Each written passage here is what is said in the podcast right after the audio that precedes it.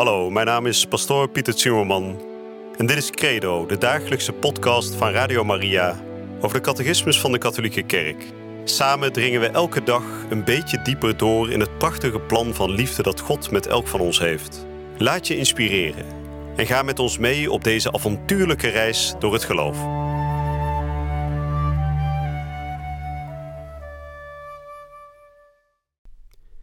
Vrienden, van harte welkom bij deze nieuwe uitzending van de podcast Credo. Elke dag 10 minuten waarin we ons verdiepen in die prachtige leer van onze kerk.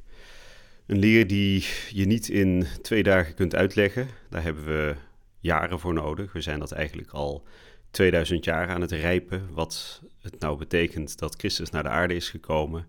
Wat het betekent dat God een drie-ene God is.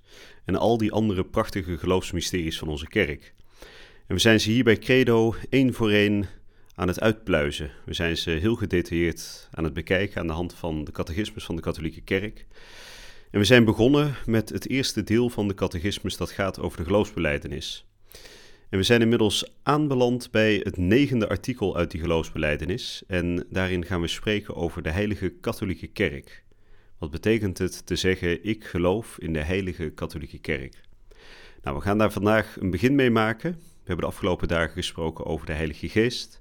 En we weten, de Heilige Geest is de derde van de drie personen van de ene God. En we weten dat Hij de grote inspirator is van onze kerk. Zonder de Heilige Geest zou de kerk niet kunnen bestaan. Nou, we gaan vandaag spreken over wat is die kerk? Het is natuurlijk dat stenen gebouw in uw dorp of in uw stad, maar de kerk is meer dan dat. En daar gaan we vandaag over spreken. En we zullen zoals gebruikelijk weer beginnen met gebed. En ik zal vandaag een gebed bidden, heel bijzonder voor de kerk, uit het katholieke gebedenboek. In de naam van de Vader en de Zoon en de Heilige Geest. Amen. God, onveranderlijke macht en eeuwig licht, zie genadig neer op het wonderbaar geheim van uw kerk en voltrek ongestoord, uit kracht van uw eeuwige beschikking, het werk van de zaligheid van de mensen, opdat heel de wereld mogen ervaren en zien dat het gevallene opgericht, het verouderde vernieuwd en alles hersteld wordt door Hem, uit wie het zijn oorsprong heeft, onze Heer Jezus Christus, uw Zoon, die met u leeft en heerst in de eenheid van de Heilige Geest, God, door de eeuwen der eeuwen. Amen.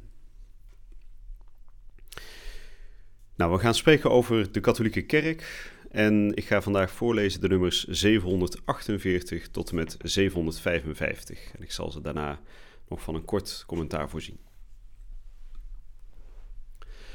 Artikel 9.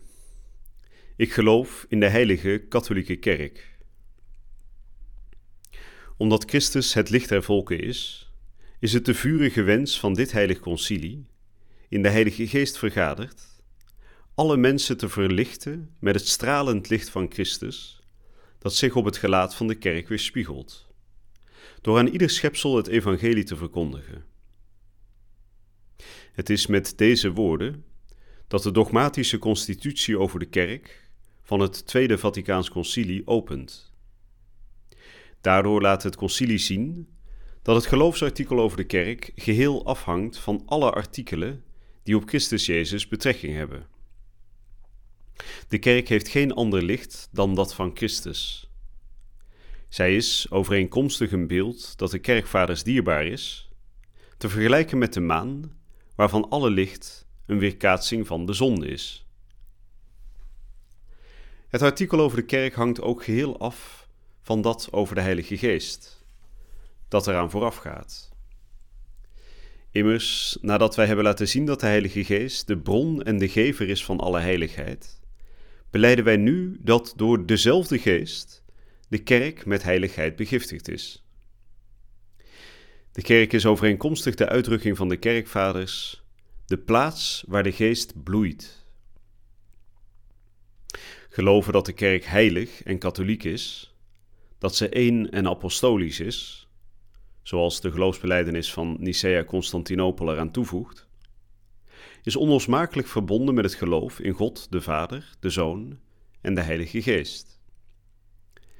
De Latijnse tekst van de apostolische geloofsbeleidenis zegt dan ook dat wij een heilige kerk geloven.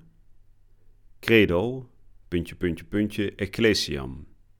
En niet geloven in de kerk. Om God en zijn werken niet te verwarren. En om duidelijk aan de goedheid van God alle gaven toe te schrijven die hij in zijn kerk gelegd heeft. Paragraaf 1. De kerk in Gods helsbeschikking. De namen en de beelden van de kerk. In het Nieuwe Testament wordt de gemeente van Christus Ecclesia genoemd, wat letterlijk bijeenroeping betekent, van het Griekse ek kalein, wat betekent naar buiten roepen. Het woord ecclesia, Latijn ecclesia Frans église, duidt bijeenkomsten van het volk aan, in het algemeen van religieuze aard. Het is een term die in de Griekse vertaling van het Oude Testament vaak gebruikt wordt voor bijeenkomsten van het uitverkoren volk ten overstaan van God. Vooral voor de bijeenkomst bij de Sinaï, waar Israël de wet ontving en door God tot zijn heilig volk gemaakt werd. Door zich Ecclesia te noemen, erkent de eerste gemeenschap van hen die in Christus geloofden dat zij de erfgename van deze bijeenkomst is. In de Ecclesia, kerk, roept God zijn volk van alle, uithoek, van alle uithoeken der aarde bijeen. De term Kyriake, waarvan church, kirche en ons woord kerk afgeleid zijn, betekent zij die de Heer toebehoort. In het christelijk taalgebruik betekent het woord ecclesia, kerk, de liturgische bijeenkomst, maar ook de plaatselijke gemeenschap, of de hele universele gemeenschap van gelovigen. Deze drie betekenissen zijn inderdaad niet van elkaar te scheiden. De kerk is het volk dat God in de hele wereld verzamelt. Zij bestaat in de plaatselijke gemeenschappen en verwerkelijkt zich als een liturgische, vooral eucharistische bijeenkomst. Zij leeft van het woord en van het lichaam van Christus en wordt zo zelf het lichaam van Christus. De symbolen van de kerk. In de Heilige Schrift vinden wij een groot aantal samenhangende beelden en voorstellingen, waarin de openbaring over het onuitputtelijk mysterie van de kerk spreekt. De aan het Oude Testament ontleende beelden vormen variaties op een grondgedachte, die van het volk Gods. In het Nieuwe Testament centreren al deze beelden zich rond een nieuw middelpunt, omdat Christus het hoofd wordt van dit volk, dat sindsdien zijn lichaam is. Rondom dit middelpunt zijn beelden gegroepeerd, die het zij aan het herdersleven of de landbouw, het zij aan de bouwnijverheid of ook aan het gezin of aan het huwelijk ontleend zijn. De kerk is immers de schaapstal, waarvan Christus de enige en noodzakelijke toegangsdeur is. Zij is ook de kudde, waarvan God zelf op voorhand heeft aangekondigd dat Hij de herder zou zijn. De schapen van deze kudde worden, ook al staan er menselijke herders aan hun hoofd, toch voortdurend geleid en gevoed door Christus zelf, de goede herder en de opperherder, die zijn leven heeft gegeven voor zijn schapen. De kerk is Gods bouwland, Gods akker. Op deze akker groeit de aloude olijfboom, waarvan de aartsvaders de heilige wortel waren, en waarin de verzoening tussen Joden en heidenen tot stand komt en tot stand zal komen. De kerk werd door de hemelse wijnbouwer geplant als een uitgelezen wijngaard. De ware wijnstok is Christus. Hij geeft leven en vruchtbaarheid aan de ranken die wij zijn. Door de kerk blijven wij in Hem, zonder wie wij niets kunnen. Nou, dat was het uh, beginstuk van dat deel van de catechismus dat spreekt over de Heilige Katholieke Kerk. En nou, we zijn net begonnen te zeggen dat um, het negende geloofsartikel, ik geloof in de Heilige Katholieke Kerk, um, dat daar duidelijk staat dat we niet geloven in de kerk, maar dat we geloven in God en dat we geloven in Zijn werkzaamheid in Zijn kerk. dat klinkt misschien een beetje technisch, maar daar bedoelt de catechismus mee. Ons geloof is in God zelf. En we geloven niet in de kerk, want de kerk is een vrucht van zijn werk. dus ons geloof is geworteld in God zelf. En de kerk is een gevolg van zijn liefde. Dus we moeten oorzaak en gevolg niet door elkaar halen. Daar komt het eigenlijk op neer. Nou, vervolgens wordt er gesproken over verschillende namen en beelden van de kerk. Ik vind dat zelf een, een bijzonder mooi stuk.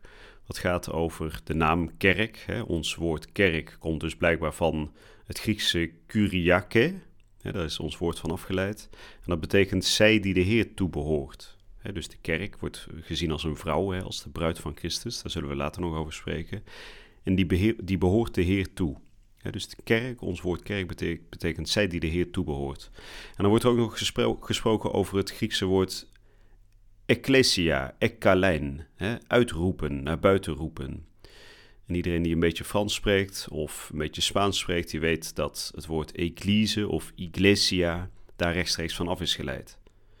Dus dat woord betekent naar buiten roepen, weggeroepen worden uit het oude leven en verzameld worden in die schaapskooi van God. Nou, daar voegt de catechismus dan nog enkele namen en beelden aan toe. We, uh, we, zullen daar in de komende uitzendingen ook nog verder over gaan spreken. Maar de namen die vandaag al genoemd worden is bijvoorbeeld schaapstal. Hè, dus de schaapstal waarin de goede herder Jezus Christus zijn schapen verzamelt. Hè, dus dat is een beeld van de kerk. En er wordt ook gesproken over Gods bouwland of zijn akker, hè, waar de ware wijnstok geplant is. Een beeld dat Jezus Christus zelf gebruikt in het evangelie. Ik ben de wijnstok, jullie de ranken dus dat hele verzamelde volk van God, die Kyriake, die Ecclesia, is uiteindelijk verzameld door de goede herder zelf. En die goede herder is de ware wijnstok waaraan wij als takken, als ranken hangen en waarin we door hem gevoed worden. En dan het laatste beeld wat nog genoemd werd, was het volk Gods, het verzamelde volk van God, dat is de kerk. Nou, we zullen daarvoor vandaag mee afsluiten en we zullen in de volgende uitzending hier nog over doorgaan. Welke beelden en welke namen worden er allemaal aan onze kerk gegeven en wat betekenen die ook? En voor nu wens ik u verder een hele goede en gezegende dag toe. Je luisterde naar Credo, de dagelijkse podcast van Radio Maria over de catechismus van de Katholieke Kerk. Credo is iedere werkdag te beluisteren op Radio Maria. Maar je kunt de afleveringen ook in je eigen tempo terugluisteren op onze website, in de app of op Spotify en de andere platforms. Via de website radiomaria.nl vind je dagelijks de link om de bijbehorende teksten uit de catechismus mee of terug te lezen. We zijn erg dankbaar voor alle giften die wij mogen ontvangen. Daardoor kunnen we ons goede werk blijven doen. Draag je ook bij aan deze missie?